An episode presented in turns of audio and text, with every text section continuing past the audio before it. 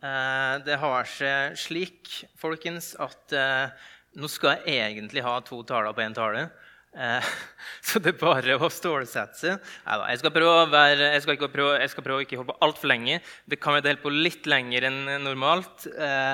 Dum, dum, ting å si, muligens. Vi kan, vi kan gjøre en avtale. At hvis dere holder på dette eller sovner, et eller annet, så må dere rope ut. Så kan vi gjøre en eller annen ting, så våkner igjen. Er det greit? Ja, fint. Deilig. Um, ja, men jeg skal prøve å ikke holde på altfor lenge. Men jeg tror, er, jeg tror, det er, en del viktige ting vi skal se på i dag. Um, Taleserien er altså vennskap. Temaet er 'Hva er vennskap?' Og jeg tror Bibelen altså har en del å lære oss om det. Og Noe av det som jeg håper vi kan hjelpe hverandre til den serien her, det er å hjelpe hverandre til å være motkulturell fordi jeg tror at Bibelen forteller oss om vennskap, er ganske forskjellig fra hvordan hvert fall en del av samfunnet og kulturen eh, lærer oss om vennskap. Jeg vet ikke om du har vært ute i en båt noen gang. Jeg tipper mange av dere har vært det. Kanskje var ute i en båt, kanskje var det fint vær. Dere stoppa, du, eh, holdt på å si, ja, du la det på dekket for å sole det, lukka øynene. Kanskje hadde øynene lukka for eh, noen minutter, par, tre, fire, fem minutter, og åpner øynene, så plutselig ser du at du har drifta ganske langt. Selv en stor båt drifter ganske fort i sjøstrømmene. Jeg tror kulturen vi lever i, fungerer litt på samme måte. Hvis vi lever i kulturen og samfunnet uten bevissthet om forskjellene da, mellom hva kulturen sier, og det vi lærer i Bibelen, så tror vi drifter ganske fort. Så sier ikke jeg at alt i kulturen, alt i samfunnet, er feil. Men vi må ha en bevissthet, og uten bevisstheten så tror jeg at vi drifter en del, og vi drifter uten å legge merke til det. Plutselig har vi havna en annen plass enn det vi kanskje ønska. Um, så bevissthet om kulturen, bevissthet om hva Bibelen lærer, og da kunne sammen kjempe litt imot den strømmen der vi ser at det er noen avvik. Um, og så vil jeg si at på en måte Det går an å være uenig og enig i det her, for så vidt, men på en måte så føler jeg at vennskapet blir litt snakka ned i dagens samfunn og dagens kultur. Uh, og kanskje har det til en viss grad blitt det hele veien, holdt på å si. Fordi Hvis man ser til populærkulturen, da, til typisk filmer, serier, musikk osv., så, videre, så ser vi veldig litt hva veldig mye fokuserer på. Vennskap blir i beste fall sett på annenrangs sammenligna med romantiske relasjoner. Veldig veldig Mye av populærkulturen handler om romantiske relasjoner. Hvis man ser til filmer, serier, musikk. Um, og jeg vil påstå i hvert fall at det er få som, hand, som handler om viktigheten av vennskap. Og Det er på en måte litt paradoks, fordi jeg tror vennskap er dødsviktig. Og det er et paradoks fordi at vi i dag lever i et samfunn og en verden, en vestlig verden den preges av ensomhet. Og det er ikke kun romantiske relasjoner som er svaret på ensomhet. På langt nær.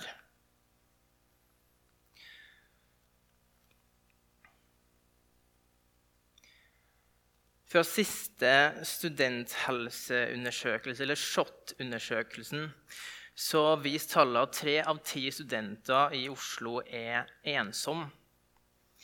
Nå er vi ikke fullt 300 her, men hvis vi hadde vært 300 her, så rent statistisk sett så vil det si at 90 av 300 inne her, hvis jeg regna rett i mitt hode, er ensom. Du får heller si fra, si fra hvis det var feil. Jeg tror det er rett. 90 av 300. Det er ganske drøyt.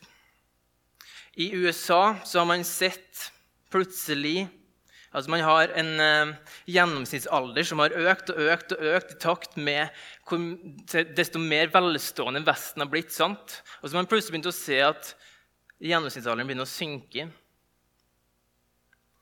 Og det forskere peker på, er den synker pga. ensomhet. Fordi at ensomhet bær noen frukter. Plutselig så gjør ensomheten at du får noen psykiske lidelser som gjør det vanskelig for deg. Plutselig så begynner du å bruke rusmidler som gjør det vanskelig for deg. Og så har rett og slett gjennomsnittsalderen sunket. Og forskeren peker altså på ensomhet. Så folkens, kanskje, kanskje Bibelen har rett.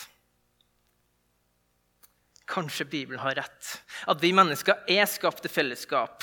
Vi leser om det helt, helt i starten av Bibelen. Vi skal se mer på det neste uke når Martin Augestad kommer. Men altså, i starten, når Gud skaper sånn, så, så, går det sånn refreng. Gud sa det var godt, Gud sa det var godt, Gud sa det var godt. Og så plutselig sa Gud det er ikke godt for mannen å være alene. Så kanskje Bibelen har rett. Vi er skapt til fellesskap, skapt til relasjoner, skapt til vennskap, skapt til å gå sammen med hverandre. Og Derfor, nettopp unna dette, så er en del av det som vi har snakka om, er sendekultur i misjonssalen. Vi snakker om at jo, men vi er sendt til hverandre. Det er på en måte den innerste sirkelen. Og det er dødsviktig, for vi er skapt for det. Vi er skapt for å være sendt for hverandre, for å gi hverandre fellesskap, relasjoner, vennskap. Yes.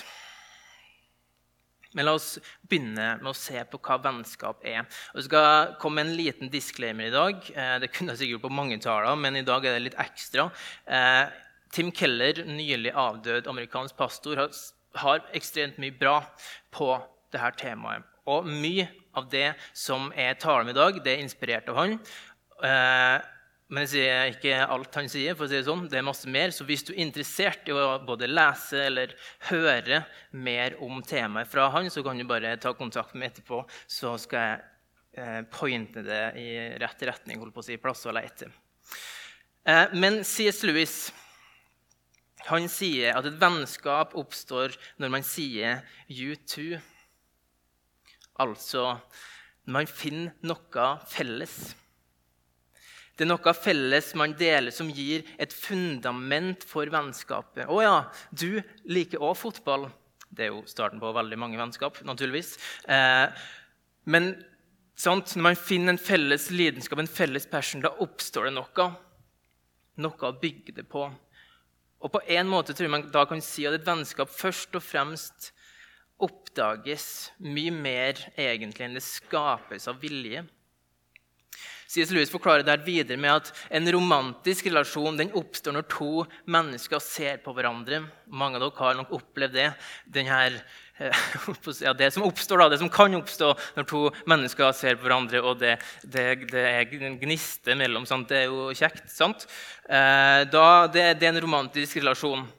Men vennskap det oppstår når to personer står skulder ved skulder og ser på samme objekt og er betatt av det objektet. De finner en felles lidenskap for det objektet de sammen står og ser på. De ser ikke på hverandre. Sånn oppstår et vennskap.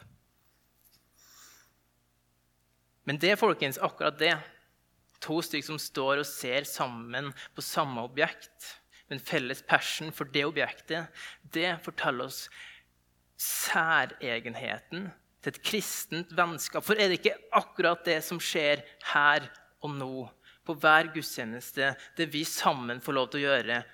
Vi står skulder til skulder sammen og ser mot et felles objekt. Jesus, som vi har en felles passion for, om du vil, en lidenskap. Så vi kan spørre hverandre òg. du òg. Trenger du òg Jesus? Er du òg glad i Jesus? Det er det dypeste to mennesker kan dele. Det viser dybden i kristne vennskap. Et helt annet fundament enn å ha for en felles fotballinteresse. Det er langt sterkere, langt dypere, langt mer slitesterkt. Og Når man da deler Jesus som det fundamentet i vennskapet, så må det, tror jeg, skape retning i vennskapet. Retninga må være hvordan kan vi gå sammen til Jesus, nærmere Jesus? Hvordan kan vi hjelpe hverandre til å leve med Jesus? Hvordan kan vi hjelpe hverandre til å sammen se på Han? Hold blikket festa på Han, hold fokuset på Han. Fordi vi har en felles passion for samme objekt, om du vil, Jesus Kristus. Hvordan kan vi hjelpe hverandre til å dele det og forsterke det? Det et kristent vennskap, det skal det handle om. Fordi troa skaper et felles fundament. Troa gjør at vi har et felles oppdrag her på jorda. Og troa gjør at vi har en felles destinasjon. Så vi som kristne venner kan gå sammen til den felles destinasjonen vi har. Vi skal til samme plass. Hvordan kan vi gå sammen? Vi har samme oppdrag. Hvordan kan vi hjelpe hverandre til å leve ut det oppdraget? Et felles kall. Og det her var vi litt innom så vidt i taleserien om vår far. Hvordan, eller vi spurte oss hvordan funker relasjonene våre Hvordan funker vennegjengene våre. Hva skjer mellom oss, mellom oss? Hva dynamikk oppstår? Ser det slik ut at vi hjelper hverandre nærmere? Eller kan det se sånn ut at vi leder hverandre egentlig feil vei, feil retning, lenger bort? Jeg tror at det vi bør si om våre kristne vennskap, er Eller jeg kan si da til min venn, min kristne venn Jeg har lyst til å se hva Gud ønsker å gjøre i livet ditt. Jeg har lyst til å se din helliggjørelse, om du vil. Jeg har lyst til å se og hjelpe deg i din helliggjørelse. Altså gå sammen med deg til Jesus. Og i spenning se hva Gud har lyst til å gjøre med ditt liv. Se hvordan du vokser i helliggjørelse. Se hvordan du blir mer lik Jesus. Se hva Gud har for deg. Se hva han vil gjøre gjennom det. Det er et disippelgjørende perspektiv, og det perspektivet trenger vi. Vi trenger at våre vennskap er slik. At det er det vi ønsker, og det er det vi gjør. Jeg har lyst til å se hva Gud skal gjøre gjennom ditt liv. Og igjen denne sendekulturen for oss i misjonssalen. Hvis man konkretiserer det, så handler det om å hjelpe hverandre til å leve som sendt der vi er. Sendt til hverandre, sendt til Oslo, studiested, jobb osv. Sendt til Norge, sendt til verden. Hvordan kan jeg hjelpe deg til å leve ut det? Gå sammen med hverandre. Det, det er et kristent vennskap. Og Jeg tror igjen, som vi gjorde i talelsen vår, for at vi skal stoppe opp og våge å tenke på det spørsmålet her. Hvordan funker vennskapet vårt, hvordan funker gjengene våre osv. Og, hvordan vil vi det skal se ut?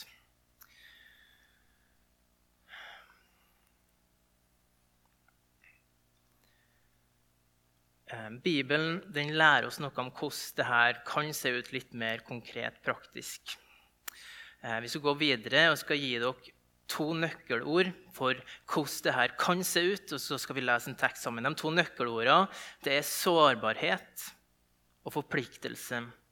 Og Teksten vi skal lese, er Galaterne 5, 26-6-2.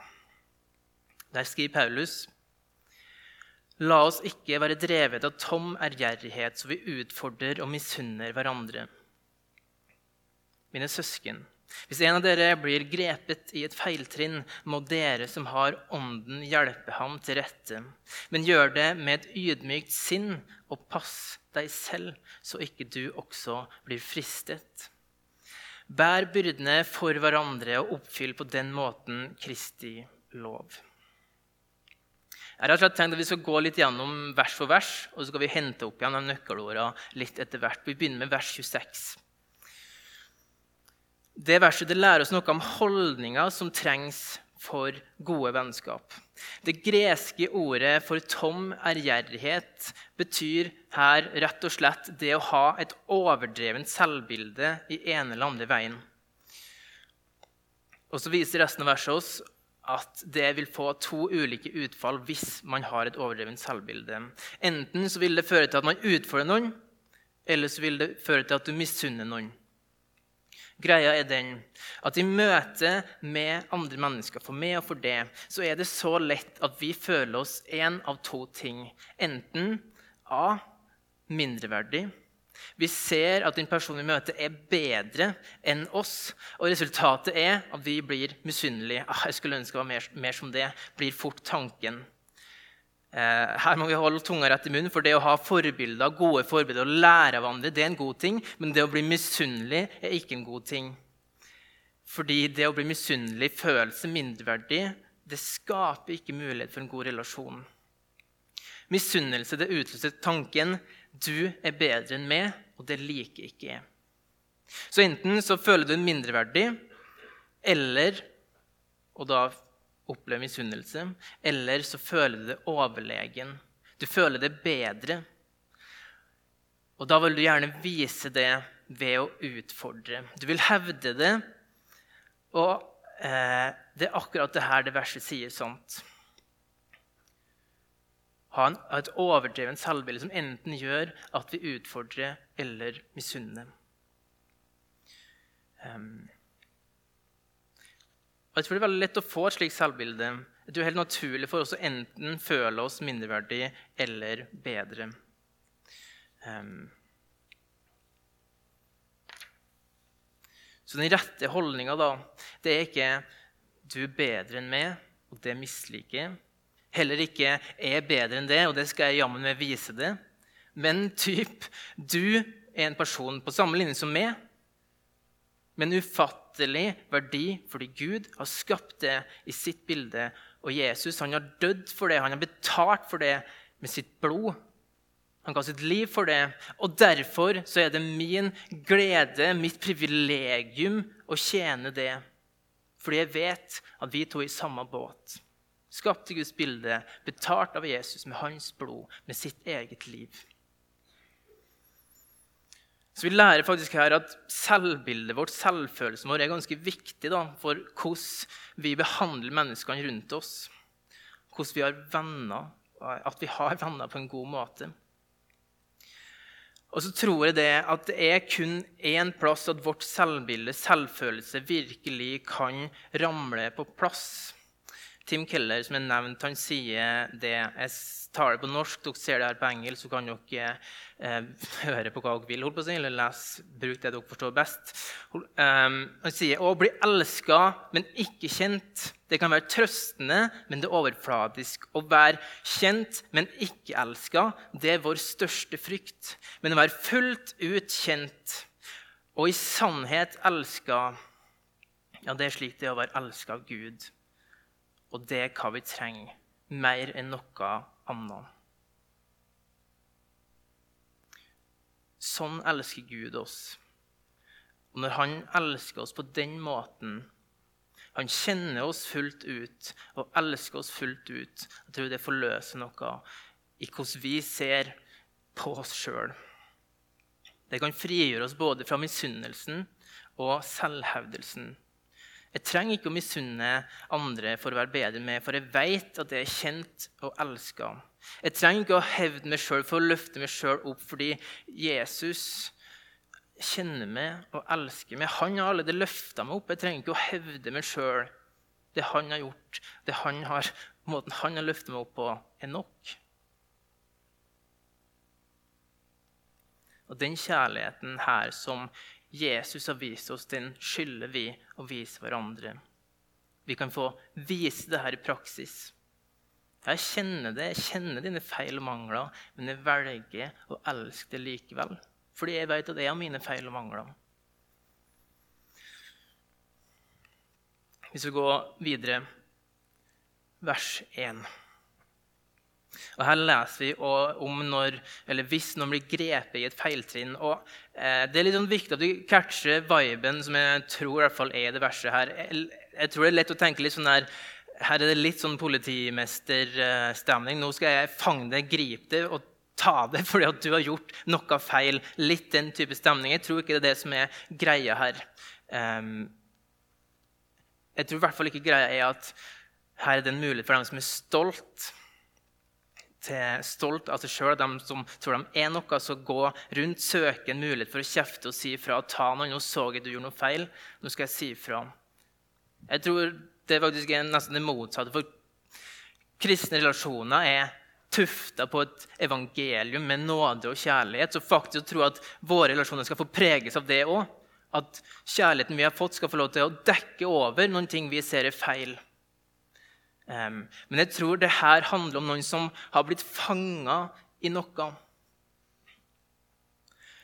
Noen som har blitt fanga kanskje i et handlingsmønster som er vanskelig for vedkommende å komme seg ut av.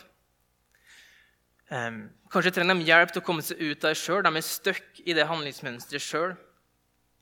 Kanskje lir de av det de er fanga i, handlingsmønsteret de er fanga i. Kanskje så lir andre av handlingsmønsteret de er fanga i, og de trenger hjelp. Og det skal vi gi dem, for vi som er kristne, har Ånden. Vi er kalt til å hjelpe vedkommende til rette. Men vi skal gjøre det med et ydmykt sinn. Og igjen, det her henger sammen med forrige vers. Sant? For hvis vi har et overdrevent selvbilde, da, så vil vi ikke klare det. Vi vil ikke hjelpe på en ydmyk måte.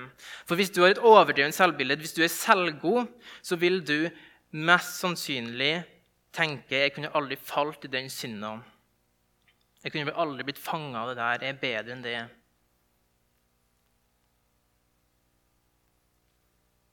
Sånn vil du tenke hvis du ser på deg sjøl som bedre enn noen andre. Og Kanskje det er lett å gjøre det nettopp når noen blir grepet i et feiltid, når noen har gjort noe som ikke er bra, eller blir, opplever noe som ikke er bra. Så det er lett å hevde seg over og tenke det der hadde ikke skjedd med oss.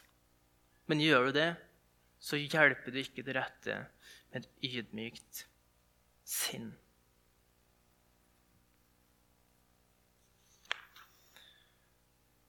Kanskje vil du tro du hjelper, men du hjelper mest sannsynlig ikke.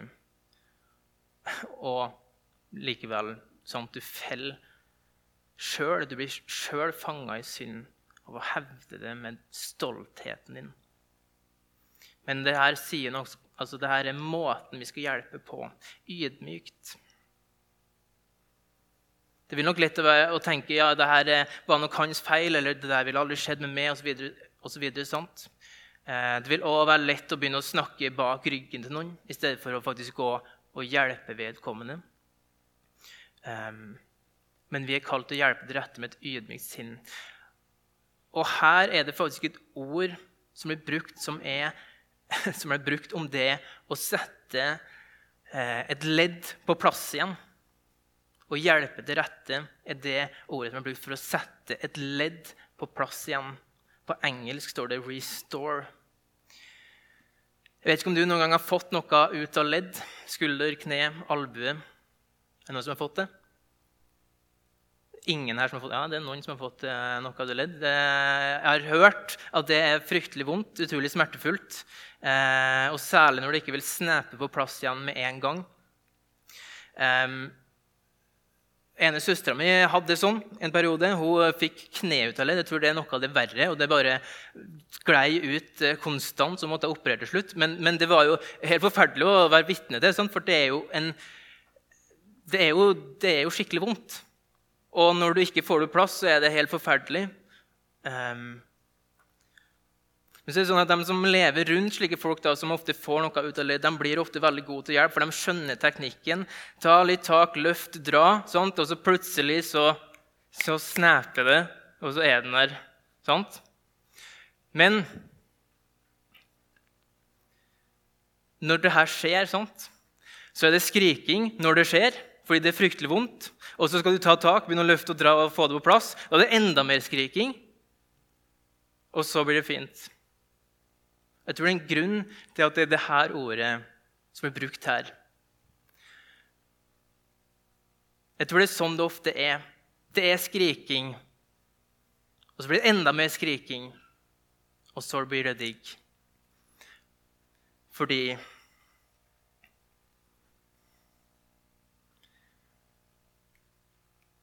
det vil Det kan være smertefullt å erfare at man trenger hjelp. Det kan være enda mer smertefullt å motta og få den hjelpa. Men fytti så digg det er når du har fått den hjelpa. Og det er det vi som gode venner er kalt til å gjøre.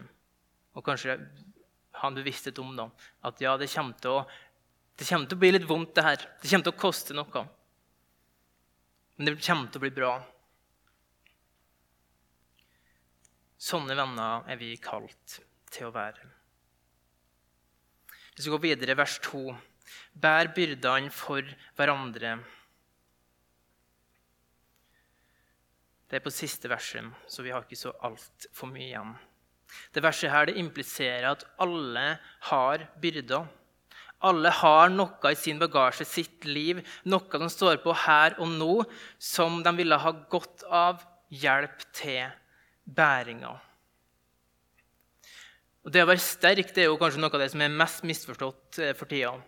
Eh, det å være sterk Man tenker at ja, da skal jeg bære det her alene. Da er jeg sterk. Ingen trenger å vite om det. Da skal jeg bare ta hele byrden og bære den. Det er ikke styrke. Styrke det er å våge å åpne opp. Styrke er å våge å slippe noen inn, slik at de kan bære sammen med det. Styrke er å vise sårbarhet. Så På den ene sida trenger man det styrken for å tørre å åpne opp for at dette skal skje. I tillegg så trenger vi å komme hverandre nær, slik at vi kan være med og bære.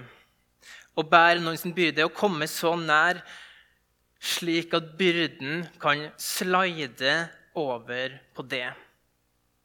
Så byrden kan slide over på det. Da må du komme ganske nært. Og tenke at dette skal bli en ting det er en ting vi skal begynne å snakke om.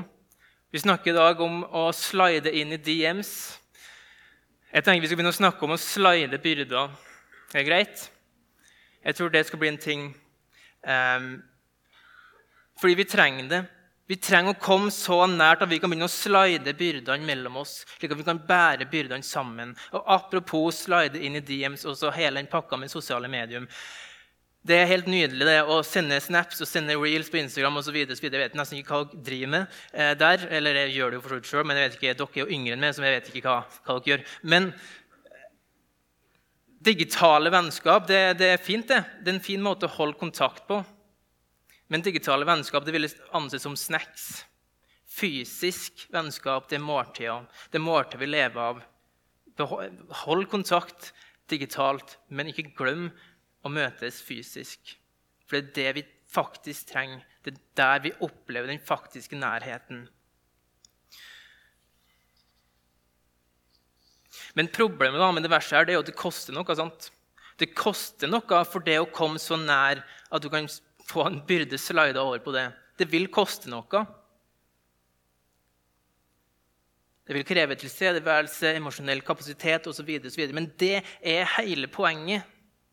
For, sier Paulus, når vi gjør det, så oppfyller vi Kristi lov. Og hva betyr det? Jo, det er, det, her, det er nettopp det her han har gjort med oss. Vår byrde, vår synd, vår skyld ble slida, om du vil, over på han. Og så skylder vi å gjøre det med hverandre. Det kosta rimelig greit for Jesus. Og ja, det koster noe for oss, men det er vennskap. Nå skal vi komme tilbake til de to nøkkelordene som jeg ga dere. Sårbarhet, forpliktelse. For å få til et vennskap så trenger man de her to ingrediensene. Sårbarhet for å åpne opp, slik at man kan slide, slide byrder. Forpliktelse til å være der, slik at du kan ta imot en byrde. Og når det koster noe for det. Problemet med de to åra der, det er at min menneskelige natur den er redd for sårbarhet. Fordi min menneskelige natur er stolt. Og jeg vil ikke åpne opp om ting som er vanskelig. Det jeg sliter med, det som er en byrde for meg. Stoltheten min stopper med. Min menneskelige natur er også redd for, for forpliktelse fordi min menneskelige natur er egoistisk. Sånt. Så det er to ord som er dritvanskelig. det her. Det er to ord som er veldig vanskelig å få til. Fordi jeg er stolt og egoistisk. Og igjen, vi har egentlig nevnt det flere ganger nå, det er én plass vi kan lære. Det er én plass vi kan forvandles, settes i stand til å leve ut de to ordene. Fordi Jesus han tok på seg våre sko. Jesus er på en måte vennskap i kjøtt og blod, om du vil. Jesus han sa, 'Elsk hverandre slik jeg har elska dere'. Elsk hverandre. Du skal elske de neste som Jesus elska det. Og hør her Hvor mye mer sårbar kan man være enn å bli nagla fast til et kors? Hvor mye mer forpliktelse kan du finne enn en som er villig til å dø heller enn å gi det opp? Det er slik Jesus er mot det. Sårbarhet, forpliktelse. Han kjenner det fullt ut, elsker det fullt ut. Og når du ser Jesus eldste på den måten, bærer dine byrder på den måten, så setter han deg i frihet til å gå ut og bære andres byrder. Selv om det er smertefullt, selv om det koster. Min menneskelige natur er redd for sårbarhet pga. stolthet, forpliktelse pga. egoisme. Men Jesus kan bekrefte meg ut av min, så, eh, bekrefte meg ut av min, min redd for sårbarhet. Eh, bekrefte meg ut av min stolthet. Han kan ydmyke meg ut av min egoisme. Jesus er vennskap i kjøtt og blod. Han kommer med sin egen definisjon på vennskap i Johannes 15, 15. Han sier, 'Jeg kaller dere ikke lenger tjenere, for tjeneren, tjeneren vet ikke hva Herren hans gjør.' 'Jeg kaller dere venner, for jeg har gjort kjent for dere alt jeg har hørt av min far.' 'Dere har ikke utvalgt meg, men jeg har utvalgt dere.' Se her. Her har vi begge deler. Sårbarhet, forpliktelse. Hva han sier? Jo, vi er venner fordi jeg har vist sårbarhet, fordi jeg har vist dere alt. Alt jeg har hørt av min far, har jeg sagt dere. Han har åpna opp. Så man har sårbarhet som en forpliktelse. Hva han sier? Jo, dere har ikke valgt meg. Jeg har valgt dere. Og jeg skal legge ned mitt liv for dere. En dag eller to senere etter han sier det her, så henger han på et kors på Golgata. Jeg skal legge ned mitt liv for dere. Her har Jesus i sin definisjon sårbarhet og forpliktelse. Dere er mine venner. Jeg har sagt dere alt, og jeg har valgt dere. Det er det vi trenger. Sårbarhet, forpliktelse inn i våre relasjoner. Vi lærer det av Jesus. Han har løsning på, at vi skal klare å leve det her ut. Sant? Vi trenger det her, folkens. Vi trenger det her. Vi trenger sårbarhet og forpliktelse, slik at vi kan hjelpe hverandre ydmykt. Slik at vi kan bære hverandres byrder, slik at vi kan lede hverandre nærmere Jesus i stedet for lenger bort. Vi trenger sårbarhet og forpliktelser, slik at vi kan hjelpe hverandre til å leve ut vår hensikt som sendt. Bare for å ta tak helt til slutt i det vi snakka om helt først, hva kulturen lærer oss jeg tror vi kan si at kulturen lærer oss at jeg, vennskap jeg har det, altså, Jeg kan ha de vennskapene som jeg får noe ut av sjøl. Sant? Jeg tror dere kjenner, kjenner dere igjen i det, og det er lett å tenke det. De vennskapene kan jeg ha. De jeg får noe ut av sjøl. Dette er det helt motsatte. Her har vi lært at vennskap koster. Og det trenger vi. Fordi hvis jeg kun tenker da, sånt, jeg har mine vennskap som jeg får noe ut av, hva skjer den dagen et vennskap begynner å koste noe for meg? Da stikker jeg. Hva vil da skje med den personen jeg stikker fra? Hvem skal hjelpe den personen fordi vennskap begynner å koste fordi vedkommende trenger hjelp?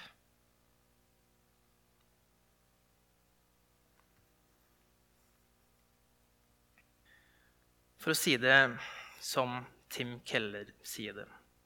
En venn er en som always let you in, never let you down.